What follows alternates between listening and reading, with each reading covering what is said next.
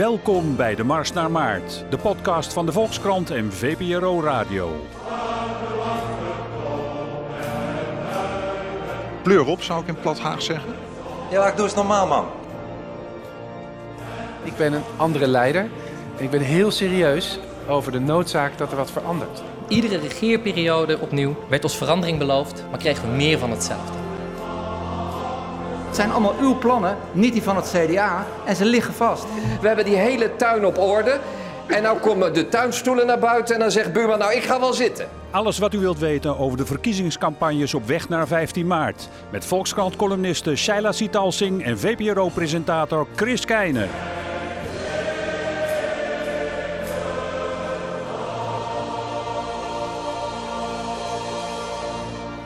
Shaila, goedemiddag. Op maandag uh, 6 maart, rond het middaguur.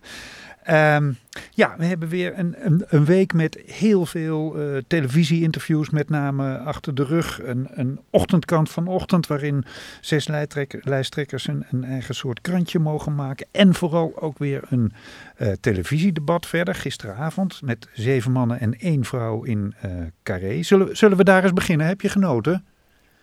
Uh, nou, ik heb niet per se genoten. Ik, ik, ik, vroeg me af, terwijl ik zo zat te kijken, begon ik me gaandeweg af te vragen of dit nou een format is waar je als kiezer, die, die twijfelt en die denkt, nou ja, wat, wat, wat zal ik eens doen? En die hoopt er inhoudelijk wat van op te steken. Ik vroeg me af of je met zo'n format dan opschiet. Het was heel erg, um, nou, nou, ze werden heel erg op een soort Sven Kokkelman-achtige wijze, waarmee niets ten nadele van Sven Kokkelman hoor, maar werden ze nee. het, het, vuur na aan de schenen gelegd over bewegingen in de peilingen. Dat is een soort, soort schijngesprek krijg je dan, want waar gaat het dan nog over? Dan ga je het hebben over, over, over over, over peiling waarvan je niet zeker weet hoe betrouwbaar ze zijn en, Mm. en, en, wat een lijsttrekker dan op dat moment wel of niet aan kan doen. Dus ik kreeg hele rare gesprekjes. Kreeg je. En het ging, vond ik, erg weinig over inhoudelijke zaken. Ja. Um, en als het ging over inhoudelijke zaken, had ik ook nog wel een probleem met de stellingen die daarbij hoorden. Want? En RTL had vier, nou, RTL had vier stellingen uh, bedacht. Uh, volgens hun waren dat dan kennelijk, dit was, was niet alleen RTL trouwens, het was BNR, Elsevier, ja. het was ja. een consortium dat dit organiseerde. En ongetwijfeld is het in samenwerking gegaan met de campagnemedewerkers, want die partijen hebben heus wel wat inbreng gehad. Nou ja, vier stellingen. Eentje was het eigen risico in de zorg moet worden afgeschaft. Mhm. Waarmee het hele debat over de zorg nou ja, eigenlijk verengt tot één ding. Ja. Uh, tweede stelling was. Uh, de AOW-leeftijd moet terug naar 65. Ook, ook weer zo'n zo, zo, zo'n één, één, één issue waar het volgens mij niet echt over gaat in deze verkiezingen. Een andere stelling ging over de Nederlandse cultuur. En dan, die was ook nog heel negatief ge, geformuleerd. Die moet beter beschermd worden. Onvoldoende, ja. ja. onvoldoende beschermd is geweest de afgelopen jaren. Weet je, alsof daar iets heel ernstigs aan de hand is. Waar Jesse Klaver overigens meteen heel handig gebruik van maakte. Want die, die, die zei uh, ja op die stelling. Moet beter beschermd worden. Maar hij draaide het helemaal ja. om. Hij zei, want we zijn onze, onze tolerantie kwijtgeraakt. Ja. ja. Ja, dat vond ik wel heel geestig en heel goed. Daar was heel goed op ingespeeld. Maar goed, het was natuurlijk ook allemaal heel erg ingestudeerd van tevoren. Mm. En dat merkte je ook wel. Het had Ja. iets toneelstukachtigs. En je schoot er inhoudelijk, vond ik, heel weinig mee op. Ook omdat Nee. de lijsttrekkers toch weinig ruimte kregen voor Nee, dus dan gaat het- onderling. Dan gaat het voor, voor- vooral heel erg om de performance. En wie blijft er overeind. En wie zakt er door het ijs. En, Precies. eh, nou ja, na, na, na, en na- afloop, na afloop werd er een soort balans opgemaakt. Door eh, wat wij dan in Nederland aan pundits hebben. Hè? Ma- mannen die er zogenaamd verstand van hebben. Wat, eh, wat, wat kwam daaruit en wat vond je daarvan? Ja, inderdaad, vier, vier mannen op, op, op, op- van, van zekere leeftijd. En die gingen dan aan tafel dat nog eens allemaal vertellen wat ze ervan vonden. En nee, dan krijg je inderdaad een soort ja, scorebordachtige journalistiek. Een soort voetbalanalist van nou ja, wie was er het meest aan de bal. Weet je, dan krijg je, dan, je krijgt eigenlijk meer een recensie over de mensen hun, hun, hun debattechniek dan over inhoudelijke ja. zaken. Ja, ex, nou ja, eigenlijk wel. Hè? Want hè, wie, wie deed het dan goed, tussen aanhalingstekens? Henk Krol. Ja, want hij gaf de eh, presentatrice die de vragen stelde, Diana Matroos, die gaf hij weerwoord en die gaf hij er vet. Ja, maar dat, dat, hè, dat was dan leuk en daar kreeg hij heel veel applaus voor. Maar dat heeft natuurlijk helemaal niets te maken met waar Henk Rolfe staat. Of, of Nee. met zijn AOW-standpunt. Of hoe dat dan wel of niet goed verdedigd is. Dat is meer een soort, hè, ben je een beetje gevat en een beetje snedig. Dat dat is, is niet per se op de inhoud. Dus ik, ik vond dat ook, ik, ik heb ook wel echt bezwaar tegen het uitroepen van een winnaar na zo'n debat. Want dan krijg je inderdaad, gaat het op dingen als loopvermogen. Het zijn natuurlijk geen dingen die van belang zijn straks als iemand de regering moet gaan vormen of beleid moet gaan bedenken of eh, dingen moet gaan uitvoeren die in het algemeen belang zijn. Dus ik, ik, ik, heb, ik, heb, nou ja, ik heb wat moeite met dit soort formats en met Nee. name met het Wat niet wil zeggen dat het, dat het geen, geen invloed kan hebben natuurlijk. Hè? Want zo'n momentje van Henk Krol, eh, waarin die inderdaad, die, die eh, Diana Matroos, die, die, die er ook wel erg hard in ging, vond ik hoor. Ik vond het ook wel Ja, die beetje- ging een beetje, ja, ja, die ging een wel, beetje van die eh, Gestapo-ondervragingstechnieken. Over ging zij loopvermogen gesproken, ik vroeg me wel af wat, wat, wat zij in de thee had gehad. Maar ehm, dat moment wordt natuurlijk wel de, de, de hele tijd herhaald. Hè? En, en een paar andere momenten. En dat is natuurlijk wat zo'n de- debat doet. Ik bedoel, het is wel een, een, een vormpje waardoor heel veel mensen een, een indruk krijgen van lijsttrekkers. Dus je, je kan niet zeggen dat het geen invloed heeft, denk ik. Oh nee, absoluut. Nee, daar, ben ik, daar heb je groot gelijk in. Helemaal mee eens. En die dingen worden herhaald. En dan na een paar dagen zie je dat dan ook een soort eigen leven gaat leiden. Bijvoorbeeld Jesse Klaver was, werd dan uitgeroepen tot winnaar. Ja. Nou ja, daar kun je van afvragen of, of dat zo was. Want ik geloof dat hij eh, 17% van de stemmen scoorde. En de nummer 2 16%. En die daaronder, nou ja, nog iets minder. Nou eh, eigenlijk in feite waren er gewoon drie of vier mensen die ongeveer evenveel Ja, hadden gescoord. ja, Eh, bovendien is het een, een snelle peiling waarvan je afvraagt of de steekproef van enige kwaliteit is. Maar hij is dus wel de winnaar. En dan vervolgens krijg je dus allemaal berichtgeving daarover. En dat blijft wel hangen, ook bij Ja. mensen die niet hebben gekeken. Want Nou er ja. hebben anderhalf miljoen mensen gekeken. Ja. Maar er hebben meer mensen naar Boer zoekt vrouw gekeken en meer mensen naar Floortje naar het einde van de wereld. Dus die zien dan aan het eind van, hé, hey, eh, kennelijk was er een debat. Oh, en kennelijk heeft Klaver gewonnen. Dat blijft natuurlijk wel hangen. Nou ja, en, en, en vooral toch ook wel, omdat hè, het is natuurlijk de hele tijd de vraag wie wordt de leider op links. Ehm, als je dan Klaver afzet tegen gisteren Ascher en, en, en Roemer. ehm, ik wou ze even allemaal gewoon langs gaan lopen als, als we eraan toekomen. Eh, de, in de volgorde waarin ze over die rode loper naar de martelkamer van, eh van eh Diana Matroos toe moesten. Ascher had de pech dat hij de eerste was. Toen zat ze nog helemaal vol in, in de energie, zal ik maar zeggen. Hij kreeg echt bijna... ik, ik geloof niet dat als je, als je kreeg het woord niet. Echt, Nee, hè? hij Dat- kreeg gewoon geen tijd om antwoord te geven. En je zegt, ja, die peilingen, dat is natuurlijk een heel raar gesprekje. Maar op zich, de vraag, waar blijft het Asje-effect, is, is in die zin wel terecht dat, ehm, dat daar in ieder geval niks van te zien is tot nu toe. Zeker. En het is natuurlijk wel gelegitimeerd om je af te vragen waar dat effect blijft. Te meer daar de Partij van de Arbeid een heel nummer heeft gemaakt van Precies. zo'n leiderschapsverkiezing. Ze roepen de vraag over zichzelf af, van- ja. Ja, met het idee van dat gaan we doen en we komen met een nieuwe aansprekende leider. En we maken er een openbare verkiezing van en dat is leuk en dat is goed. Dus tuurlijk, dat, dat, dat, dat roept allerlei verwachtingen op die, als je inderdaad naar de peilingen kijkt, nog steeds niet worden waargemaakt. Dan Nee. kun je je afvragen of dat nou de schuld van Asscher is of de schuld van de PvdA of de schuld Hmm. van het partijprogramma van de PvdA.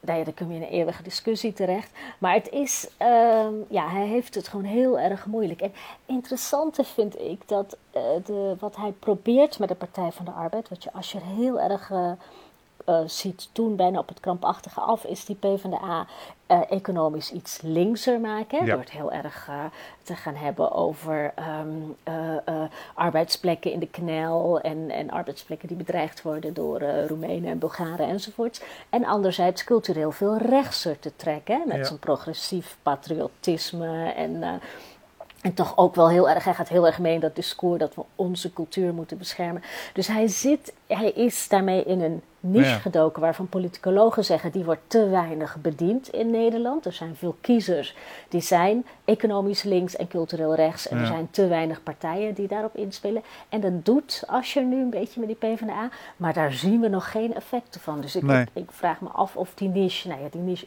is er kennelijk wel. Dat blijkt wel uit allerlei politicologisch onderzoek. Maar of als je daar nou goed op inspeelt, nou ja, we zien het in elk geval nog niet terug. Nee, nou ja, en, en ik vind eerlijk gezegd ook als je naar die hele campagne kijkt, met name van de Partij van de Arbeid, het, het is ook een beetje een zwalkende campagne. Hè. Ze begonnen met erg met stembusakkoorden op links, daarna een harde aanval op Jesse Klaver. Gisteren sociaal-economisch weer, weer een veel hardere aanval uh, naar rechts tegen Pechtold en Rutte. Ik, ik begrijp zelf inmiddels ook niet meer zo heel goed waar deze verkiezingen precies over gaan. Maar, maar de Partij van de Arbeid geloof ik ook niet. nou ja, ze hebben heel, hun focus is inderdaad nogal uh, diffuus. Ze hebben vandaag in de Telegraaf mochten ze een pagina vullen, zoals elke lijsttrekker vandaag een pagina mocht vullen in de Telegraaf. En daar brengt de Partij van de Arbeid als grootste nieuws, als hun belangrijkste nieuws, dat ze de kinderopvang uh, willen gaan stimuleren en daar 2 miljard ja, voor vrij dat, willen maar maken. dat komt dan ook weer zo uit de lucht vallen. Ja, nee, het staat wel in hun programma en het is ook wel ooit eens doorgerekend door het CPB. Ik bedoel, het is niet, ze hebben het niet te plekken verzonnen gisteren, maar dat ze daar plotseling een heel punt van maken en Ja. promoveren tot hun allerbelangrijkste punt, want het is de Maar dat is toch les hun 1 pagina dat je niet iedere week een nieuw campagnethema moet introduceren? Nee, je moet een beetje, een beetje consistent blijven. En dat, eh, dat mist wel een beetje bij de Partij van de Arbeid. Het zou op paniekvoetbal kunnen duiden. Dat ze zeggen van nou, we gooien het even over een hele andere boeg. We gooien die kinderopvang erin. Dat bewaren we als nieuwtje voor de Telegraaf. En dan heeft iedereen het weer even over Hmm. ons. Ik weet niet precies wat voor strategische gedachte erachter zat. Maar het maakt de focus inderdaad erg onduidelijk. Ja. En als we het dan over Jesse Klaver hebben, die was de tweede die eh, bij Diana Matroos mocht. Nou, die, die, die lachte het een beetje weg. Die kreeg er alweer iets meer eh, greep op. Eh, ik vond hem sowieso veel lachen deze avond. Hij bleef heel vriendelijk, behalve één behoorlijk harder eh, tackle op, op, op Mark Rutte over bezuinigen op, op ouderen, hè, de nullijn voor ouderen. Dat was eigenlijk zijn, zijn, zijn hardste moment, maar die, die kwam wel door. Daar had Rutte niet meteen een antwoord op. Nee, dat klopt. En sowieso doet Klaver het helemaal niet zo heel slecht in, in dit soort eh, debatten. Ik, ik vind dat hij er redelijk in slaagt om het eh, steeds inhoudelijk te houden. Door nou, in elk geval steeds terug te gaan naar zijn programmapunten.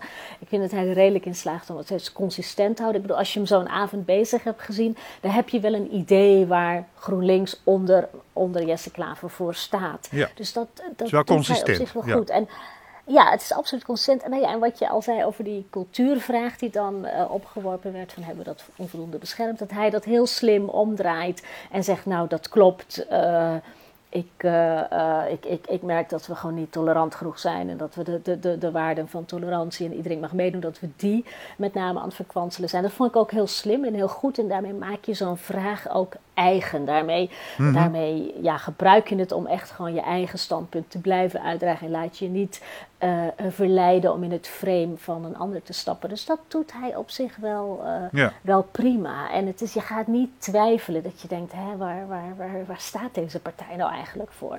Ja. Dat houdt hij wel goed. Hij heeft, ja, hm. Nou ja, toen, eh, to- to- toen kwam Henk eh, en die, die walste met zijn hele gewicht gewoon dwars over, over eh, Diana Matroos heen. En, Ja, Qua televisie, laten we eerlijk zijn, qua televisie was het wel het moment van de avond. Ik dacht wel, Henk is Het was terug. geestig, ja. ja, het was wel ontzettend geestig. En, eh, en eh, hij, zei, hij had eh, Matroos ook wel even van de apropos. Dus dat Ja. was wel heel erg leuk. Ik bedoel, dat deed hij goed en geestig. Ja, goed, kijk, weet je, inhoudelijk komt hij er nooit helemaal goed uit. Hoewel hij het enorme voordeel had dat eh, de AOW-leeftijd, wat zijn issue en zo ongeveer zijn enige issue is, Dat hij dat daarover een mocht. van de vier Ja. stellingen was. Ja. dat het gewoon een van de vier belangrijkste stellingen was. Dus Ja. dat is dan wel, ja, nou ja, eh, zeer in het voordeel van 50 plus dat Ja. het over een van jouw stellingen gaat. Want het ging bijvoorbeeld niet over klimaat, om maar wat te noemen. Nee. Want eh, eh, eh, partijen als, als Partij voor de Dieren en GroenLinks ehm, veel minder de mogelijkheid gaf om hun belangrijke punten naar voren te brengen. Dus die moesten ze er op een andere manier in fietsen. Ja. Nou, Henk kreeg het op een pre- presenteerblaadje. Het Ja. ging over zijn issue. Nou ja, we, zul- we zullen zien of het, eh, of het eh, zijn campagne weer een klein beetje op de rails heeft gezet. Ehm, een van de toch wel weer opvallendste eh, vond, vond ik Sibrand Buma, die, die vol blijft doorgaan met, met gestrekt rechterbeen erin, zou je kunnen zeggen. Met name als het gaat over, over migratie en, en veiligheid en de normen en waarden. Ehm, hij, hij, eh, hij passeert eh, eh, de, de VVD daar rechts. Hè? Mark Rutte mocht er ook eventjes wat over zeggen. En die was toch, die, was, die klonk wat inclusiever dan, uh, dan, Siebrand. Het lijkt erop dat dat effect heeft in de peilingen. Het CDA zit, zit in de lift. Heeft hij, heeft, hij, heeft hij zijn niche gevonden, zullen we maar zeggen? Ja, nou ja, het is natuurlijk een, een, een CDA-punt, altijd, hè, die normen en waarden. En uh, ze hadden al aangekondigd, daar gaan we op, op inzetten. En dat doet hij inderdaad met overgave. En, en steeds, hij verzint ook steeds iets nieuws wat er wel bij past. Hè, zoals dat Wilhelmus, dat we dan in de klas moeten gaan zingen. Weet je? Ja. Hij komt wel steeds met nieuwtjes, maar die passen Ik heb tijdens de reclame geoefend gisteren. Met Kijk, nou, en ken, ja. ken je ook beide, ken je ook dat andere couplet, dat over mijn, mijn schild en de betrouwen en Zijt zo? gij, oh God mijn heer. Ja, kom op zeg. Kijk, kijk, kijk. Ja, ik ken het ook hoor. Maar ik heb het nooit op de lagere school gezongen. Nee, ik heb op de lagere school ehm, gezeten in de koloniën, voormalige kolonies Suriname, Ja. Curaçao. Daar moesten we volksliederen zingen Nou, hoor, kijk. elke dag, met vlag en Precies. al. Maar goed, ja. terug naar Siebrand. Eh, in de Telegraaf, dat vind ik interessant, wat het CDA doet in, eh, in, in- op zijn Telegraafpagina's, is Ja. ook als belangrijkste Buma breekt door, Buma, breekt door, ja. spreekt aan, dat brengen ze als nieuws. Ja, een soort eh, nepnieuws is het, maar goed, hun nieuws. En dan zeggen ze ook echt in, in- heel prominent in dat stuk, en dat doet hij op zijn agenda van normen en waarden, Ja. plichtsbesef Ja. en gezonde vaderlandsliefde. Nou ja, dit is alsof je... Alsof, je, alsof het 1930 is, maar eh, dat, dat, Ja, schrijven nou ja, ze gewoon goed. keihard op. Misschien willen er wel veel mensen dat het weer verkiezingsboodschap. 1930 wordt. Wie weet, ja. Normen en waarden, beetje- plichtsbesef, gezonde vaderlandsliefde. Dat gezonde ook. Dat, Ja. eh, nou ja, dat, dat, dat is heel erg... Het, het, het, het, het is in zekere zin historisch consistent. Het past bij het CDA. Ehm, en, en het past ook heel erg bij Sibrand Buma. Dus de typecasting is goed. Ehm, dus ja, wie weet gaat dat Maar aanspreken. ik vroeg me ook af, eh, schiet hij in zoverre niet een klein beetje zijn doel voorbij? Ik hoorde hem gisteren geloof ik zeggen dat we vanwege de christelijke waarden al duizenden jaren gelijkheid hebben hier. Ik dacht nou, daar, daar horen ze van op in de Bijbelbelt. Maar ehm, Ja, ik- nou, absoluut. En Nou ja. trouwens ook in de vrouwenstrijd en in de homo-emancipatiestrijd, waar het CDA ook niet echt vooraan liep met een Nee. regenboogvlag. Maar goed, ja. Nee, en, en omdat, omdat Rutte in dat debatje daarover ook eventjes eh, wat mocht zeggen en, en, en toch, toch inclusiever klonk dan, eh, dan, dan Buma, dacht ik van goh, misschien ziet Rutte nu juist wel weer, weer een kans om aan de linkerkant van het CDA wat, wat stemmen weg te halen. Waardoor hij zich misschien, zoals Tom-Jan Meus eh, van NRC Handelsblad eh, di- dit weekend schreef, zichzelf een beetje als, als middenpartij aan het positioneren is. Meer mikt op, op, op eh, kiezers van CDA en D66 dan op PVV'ers. Ja, nou ja, wat, wat ze bij de VVD ehm, eh, weten, of in elk geval waar ze van, van, van doordrongen zijn, en dat zijn ze bij het CDA en D66 overigens ook, is dat hoe je het ook wendt of keert, er ja, je met toch met een aan, aan, aan zekerheid grenzende waarschijnlijkheid kunt zeggen dat er straks een formatie zal komen waarbij de VVD, het CDA en D66 er op een of andere manier samen uit zullen moeten gaan zien te komen. En waarschijnlijk met aanvulling van een aantal andere partijen als er niks, eh, niks, eh, niks wezenlijks meer gebeurt in de peiling. En anders misschien zelfs wel met z'n drietjes als er nog een eh, laatste sprintje komt in de laatste tien dagen van de campagne. Ehm, dus ze, ze, ze zullen ehm, nou ja, elkaar moeten vinden, ze zullen naar elkaar toe moeten kruipen. Ehm, en bij de, van de PVV-kiezers, ik denk dat Rutte inmiddels wel al van de PVV-kiezers heeft weggesnoept wie hij kan wegsnoepen. Je ziet de PVV inmiddels dalingen in de peiling, dalen in de peilingen. Eh, bij de peilingwijzer zie je de PVV is echt een Ja, gestage echt de lijn tweede omlaag. partij geworden, ja. Ja, ja, ja, ja, ja. Dus ik denk dat ze bij de VVD nu denken, oké goed, hè, die PVV die hebben we nu redelijk leeg gegeten, nou ja, tot, tot, tot wat onze maximale capaciteit tot leeg eten is. En nou ja, goed, nu moeten we die, die bocht gaan maken naar richting CDA D66, want ze zullen waarschijnlijk toch met z'n drieën als eersten aan die formatietafel te komen te zitten. Ja. En er toch wel met z'n drieën uit moeten zien te Ja, komen. hoewel, hoewel er inmiddels eh, allemaal peilingen natuurlijk, dus we gaan het zien op 15 maart, maar inmiddels ook geloof ik een meerderheid is voor eh, eh, alles aan de linkerkant tot en met het CDA zonder de VVD, geloof ik. Maar dat, dat, dat kan Buma eigenlijk bijna niet verkopen hè, met deze campagne. Nee, dan zou Buma uh, absoluut de meest rechtse, in elk geval op cultureel terrein, de meest rechtse zijn. En sociaal-economisch samen met D66 uh, meest rechtse. Uh, het, het, zou kunnen, maar dan heb je het wel echt over vijf of zes partijen. Ja. Uh, als je echt aan de meerderheid wil komen, dat is wel heel veel hoor, om eruit te komen. Mm. En moeten dan allemaal ministers gaan leveren, daar krijgen ze natuurlijk knallende ruzie over. dat, uh, ja. ja. dat kan, kan nooit goed gaan. Oké, okay. dan even de niche die, die Pecht, of niche, maar goed, wat, wat Pechtel doet, die doet eigenlijk het omgekeerde van wat Ascher doet. Hè? Die, die is op, uh, laten we maar zeggen, sociaal, cultureel, of sociaal-economisch hartstikke rechts. Daar, daar werd hij gisteren ook op aangepakt, met name door Jesse Klaver ook en door Van jullie bezuinigen nog meer op zorg en op ouderen dan, dan de VVD. En, en dan uh, sociaal-cultureel weer, weer misschien wel nog liberaler dan, uh, dan GroenLinks zelfs. Um, ja. is, is dat, is dat politi politicologisch gezien uh, iets, iets handigs om te doen? Nou ja, het is, het is een beetje het, het segment waarin de hoogopgeleiden zitten. En niet voor niets krijgt D66 dat ook altijd nou ja, uh, uh, aangewreven dat het een partij is voor mensen die het allemaal prima voor elkaar hebben en die een uh, lekker hoge opleiding hebben. Nou ja, als je kijkt naar de opvattingen, dan stroken de opvattingen van D66 wel het meest met de opvattingen van hoogopgeleiden die het, Hmm. die het goed hebben. Dat, daar zit een grote overlap tussen. Uh, dat is niet de meerderheid in Nederland, dus er zit een, een plafond aan uh, hoe groot D66 kan groeien. Nou, je ziet ze nu in de peilingen, in de peilingwijze, wat dus zegt zeg maar, dat gewogen gemiddelde ergens tussen de 17 en de 19 zetels uh, zweven. Dat, dat doen ze al een tijdje, zijn een heel klein beetje gestegen. Uh, wat veel meer is dan wat ze nu hebben in de Kamer. Hè. Ze hebben nu twaalf zetels in, Mhm. in, in, in, de Kamer. Dus ja, dit is misschien ook wel eh, het, het plafond hè, voor D66. Er zit natuurlijk een, uh, een maximum aan het aantal hoogopgeleide cosmopolitische mensen die denken, die, die ook wel zijn voor, uh, weet ik veel, vrije, vrije handel. En, ja. en niet bang zijn voor, voor, voor, voor een wat harder economisch klimaat, zeg maar. Ja. Dus dat, ja. Het had ook het is, een beetje de avond. absoluut een niche. Ja, het had ook een beetje de avond van Marianne Thieme moeten worden. Uh, Dat wil zeggen, omdat Geert niet kwam vanwege ruzie met RTL, die zijn broer had geïnterviewd, mocht zij meedoen. Um, ja. Wat heeft haar dat iets opgeleverd? Weet ik het niet. Kijk, zij uh, als, als, enige vrouw, Hmm. uh, dat kan voordelen hebben, want dan, dan, val je op en dan onthouden ze je tenminste.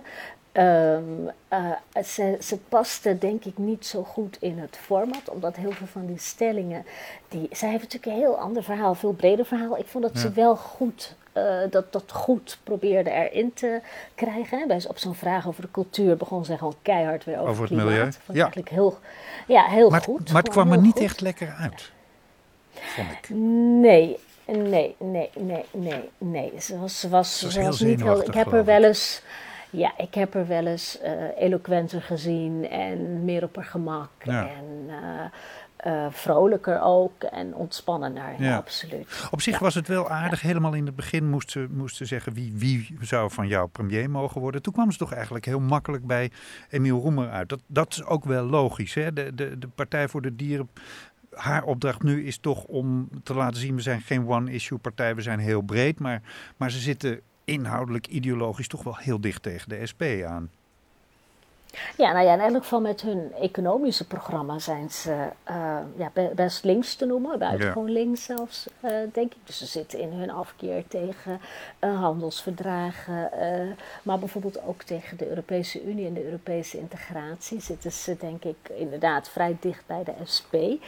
Um, en verder in hun klimaatparagraaf uh, zou je denken dat ze iets meer de aansluiting met GroenLinks ja. zouden kunnen opzoeken. Maar dat is dan denk ik toch een te grote concurrent. Om dan te zeggen, nou ja, doe, laat het dan maar door Jesse Klaver doen. Dus dan, dan, dan lijkt het me logisch dat je bij Roemer uitkomt en die vullen elkaar dan toch beter aan. Dat, dat klimaatdossier uh, is eigenlijk de enige echte concurrent GroenLinks. Dus die moet ze natuurlijk niet, uh, niet, niet uh, hebben. omarmen. Nee, nee. nee. Nou ja, dan Emiel Roemer zelf. Ik, ik, ik, merk eigenlijk dat ik niet heel erg goed weet wat hij gisteren gedaan heeft. Wat niet per se slecht is, want hij heeft dus ook geen grote fouten gemaakt. Maar een klein beetje onzichtbaar wat mij betreft ook, toch?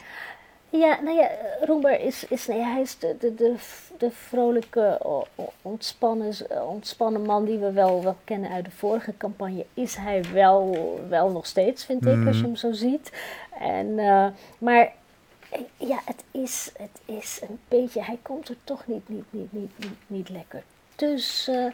Het is toch, ik weet niet wat het is met die SP, maar dat zie je toch ook, dat gaat, dat gaat in die peilingen toch ook niet zo lekker als Nee. je zou denken. En in, eh, in zijn telegraaf, ehm, zijn telegraafhoekje, Ja. zet zijn team heel erg in op integriteit en betrokkenheid. Hè? Dus echt zeg maar, op zijn menselijke eigenschappen en, Ja. en minder op zijn programma. Ik bedoel, ze gaan ook wel in op het zorgfonds en ook wel in op eh, veiligheid. Het zorgfonds, daar loopt de SP al heel lang mee te leuren. Maar hun, hun grootste, hun belangrijkste bericht, hun opening, het gaat dan over Roemer als eh, integere en betrokken en nou ja, aardige man. Aan Ja, terwijl je dat gerust juist niet zo heel erg het lijkt land te kunt werken dus. overlaten. Toch? Nee. Je zou misschien Ja, beter op het programma in kunnen gaan.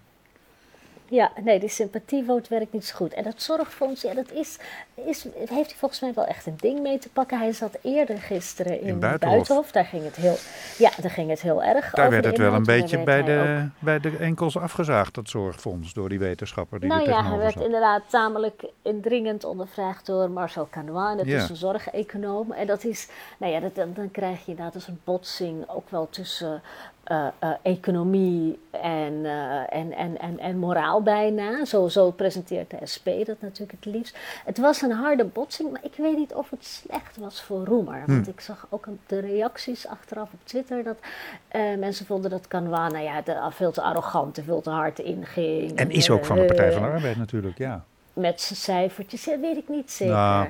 Maar ja, Beetje maar zo'n harde confrontatie. ja, oké, jij zegt het, Chris. Ja. Ja, sorry. Zo'n Ja, zo'n- harde, zo'n harde, harde confrontatie kan soms juist ook wel heel goed werken voor degene die wordt aangevallen. Als je iemand Hmm. Te hard aanvalt, dan kan zoiets wel in zijn tegendeel verkeren. Dat het kijkende publiek denkt, ja zeg, dit gaat wel heel ver. eh, nu ben ik toch voor de, voor de underdog. Weet je, Ja. dat je dat effect bijna krijgt. Zou zomaar kunnen. Ehm, ik vond het wel een hele interessante clash Nou ja, dat- en dat- Want ging wel echt over de inhoud. Dat was absoluut inhoudelijk, echt over, ja. nou ja, wat is dat fonds?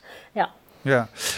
Nou ja, dan, eh, dan de grote afwezige opnieuw. eh, Geert Wilders natuurlijk. We zeiden het al, inmiddels in de peilingwijzer iets onder de VVD gezakt. Allemaal nog binnen de, de foutmarges. En we zullen het zien. Hij is wel weer een beetje aan het, aan het, aan het flyeren. Maar ik, ik vroeg me toch af, is dit nou het effect van het feit dat hij nergens aan meedoet? Of zat hij misschien toch al de hele tijd aan zijn plafond en nu er meer mensen hun gedachten opmaken, eh, zakt hij dus een beetje weg ten opzichte van de anderen, omdat er gewoon bij hem niks meer, niks meer bij komt. Ehm, wat denk jij? En, en kan hij die trend nog, nog keren? Wat zou hij moeten doen volgens jou? Ja, nou ja, het is, ik, ik, ik, ik, was ook, ik ben er ook wel een beetje verbaasd over met hoe weinig overtuiging hij campagne voert. Hij voert eigenlijk geen campagne, daar komt het Nee. op neer. Ehm, en eh, hij, hij, hij, hij laat zich bijvoorbeeld nergens zien. En dan zegt zijn team van ja, ach, er valt voor Geert daar ook niks te halen.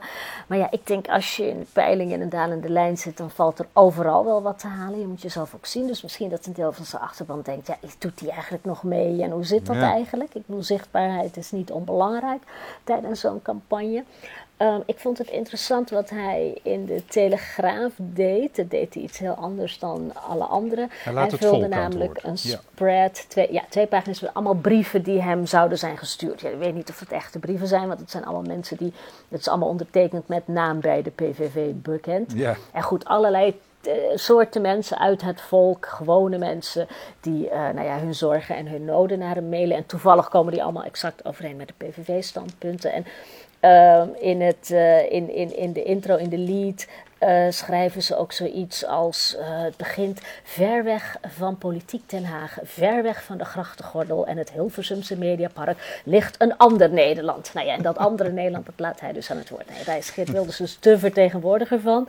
Ik weet niet of, of die peilingen niet in dat andere Nederland gedaan worden en dat we er daarom iets, iets niet zien wat er wel aan de hand is. Maar ik denk dat die peilingen toch ook wel daar eh, plaatsvinden. Dus ik weet het niet. Hij is waarschijnlijk gewoon niet zichtbaar genoeg. En ja, ja, dan heb je ook nog altijd die, die andere ja, soort complottheorie die je altijd hoort van ja, hij wil hij Ja. wel? Ja. Wil hij wel straks Ja. aan zo'n tafel gaan zitten en wil hij wel compromissen sluiten en wil hij wel mensen afvaardigen als minister van Hupse Flups en staatssecretaris van dat en dat en dan is hij alle greep kwijt. Nou ja, goed, dat, is, dat weten we ook niet, want we kunnen het hem niet vragen, want hij laat zich, dat, hij laat zich niet ondervragen. Hmm. Dus ja, het blijft allemaal een beetje speculatie. Wat, Ja. eh, wat, om in het hoofd van Geert Wilders te kijken, dat is heel erg ingewikkeld. Hij laat zich niet kennen. Tot slot, eh eh, Shaila, de, de hele week, eh, er gebeurt heel veel natuurlijk. Pauw en Jinek iedere avond, Nieuwsuur ook bijna iedere avond met, met één lijsttrekker. Ik, ik vind eerlijk gezegd dat dat, dat dat allemaal behoorlijk informatief is. Dat daar, ja, dat daar veel van op te steken valt. Ehm, de grote vraag is voor mij inmiddels, waar gaat het eigenlijk over, deze, deze verkiezingen? En, eh, nou ja, weet jij het nog? Ja, nou, nou, het gaat denk ik gewoon over heel veel. Dat, je, ziet, je ziet in de peilingen eh, tot nu toe weinig eh, veranderen.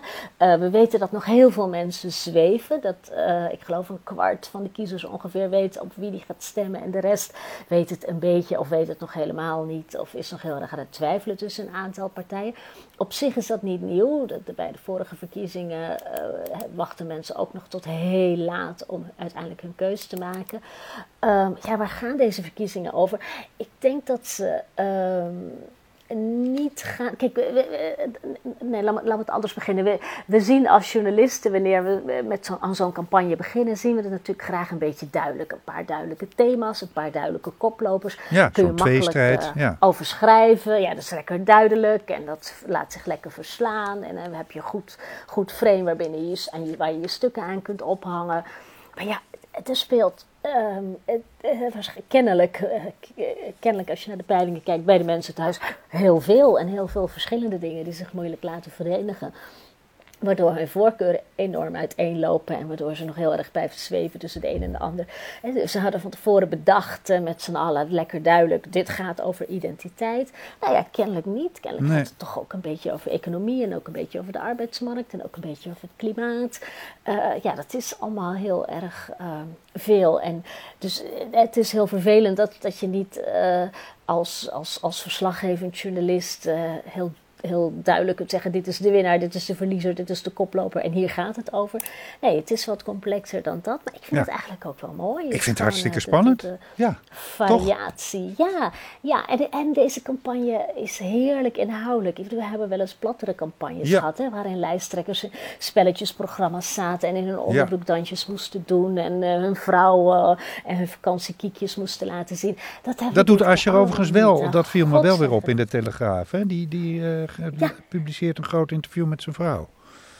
Ja, Yildau, ja, ja, ja, inderdaad. En, dat is, en Ascher's vrouw is nooit in de publiciteit. En Ascher staat erom bekend dat hij als enige bijna nooit meewerkt aan vragen over zijn privé. Als journalisten bellen en vragen waar gaat u naartoe op vakantie, zegt hij dat gaat je geen flikker aan. Nou, hij zegt het iets netter, maar dan zegt hij dat, dat ga ik niet vertellen en dan hangt hij op.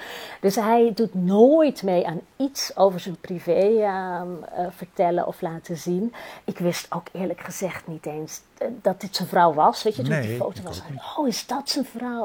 Oh ja, want hij schermt er echt af. Dus ik denk dat zijn campagneteam zoiets had van, nou ja, weet je, als er één lijsttrekker is die iets over zichzelf moet laten zien, dan is het Lodewijk wel. Dus hebben ze Mhm. hem denk ik overgehaald om dan, dan maar zijn vrouw aan het woord te laten. Ehm, maar dat is inderdaad vrij uniek. Je ziet verder niemand in deze campagne eh, te koop lopen met zijn kinderen, zijn vrouw, zijn Nee. hobby's, zijn vakantiekiekjes. En dat vind ik echt een verademing. Dat Ja. is wel heel fijn. Nou, we, we, we, hebben nog anderhalve week. We krijgen nog een een één op één tussen eh, Wilders en, eh, en Rutte. In, in, in één vandaag dus. En Ja. nog, een, nog een slotdebat. Dus nou, er valt nog veel te genieten. Dankjewel, Shaila. Jij ook bedankt. Hè. Tot de volgende keer. Oké.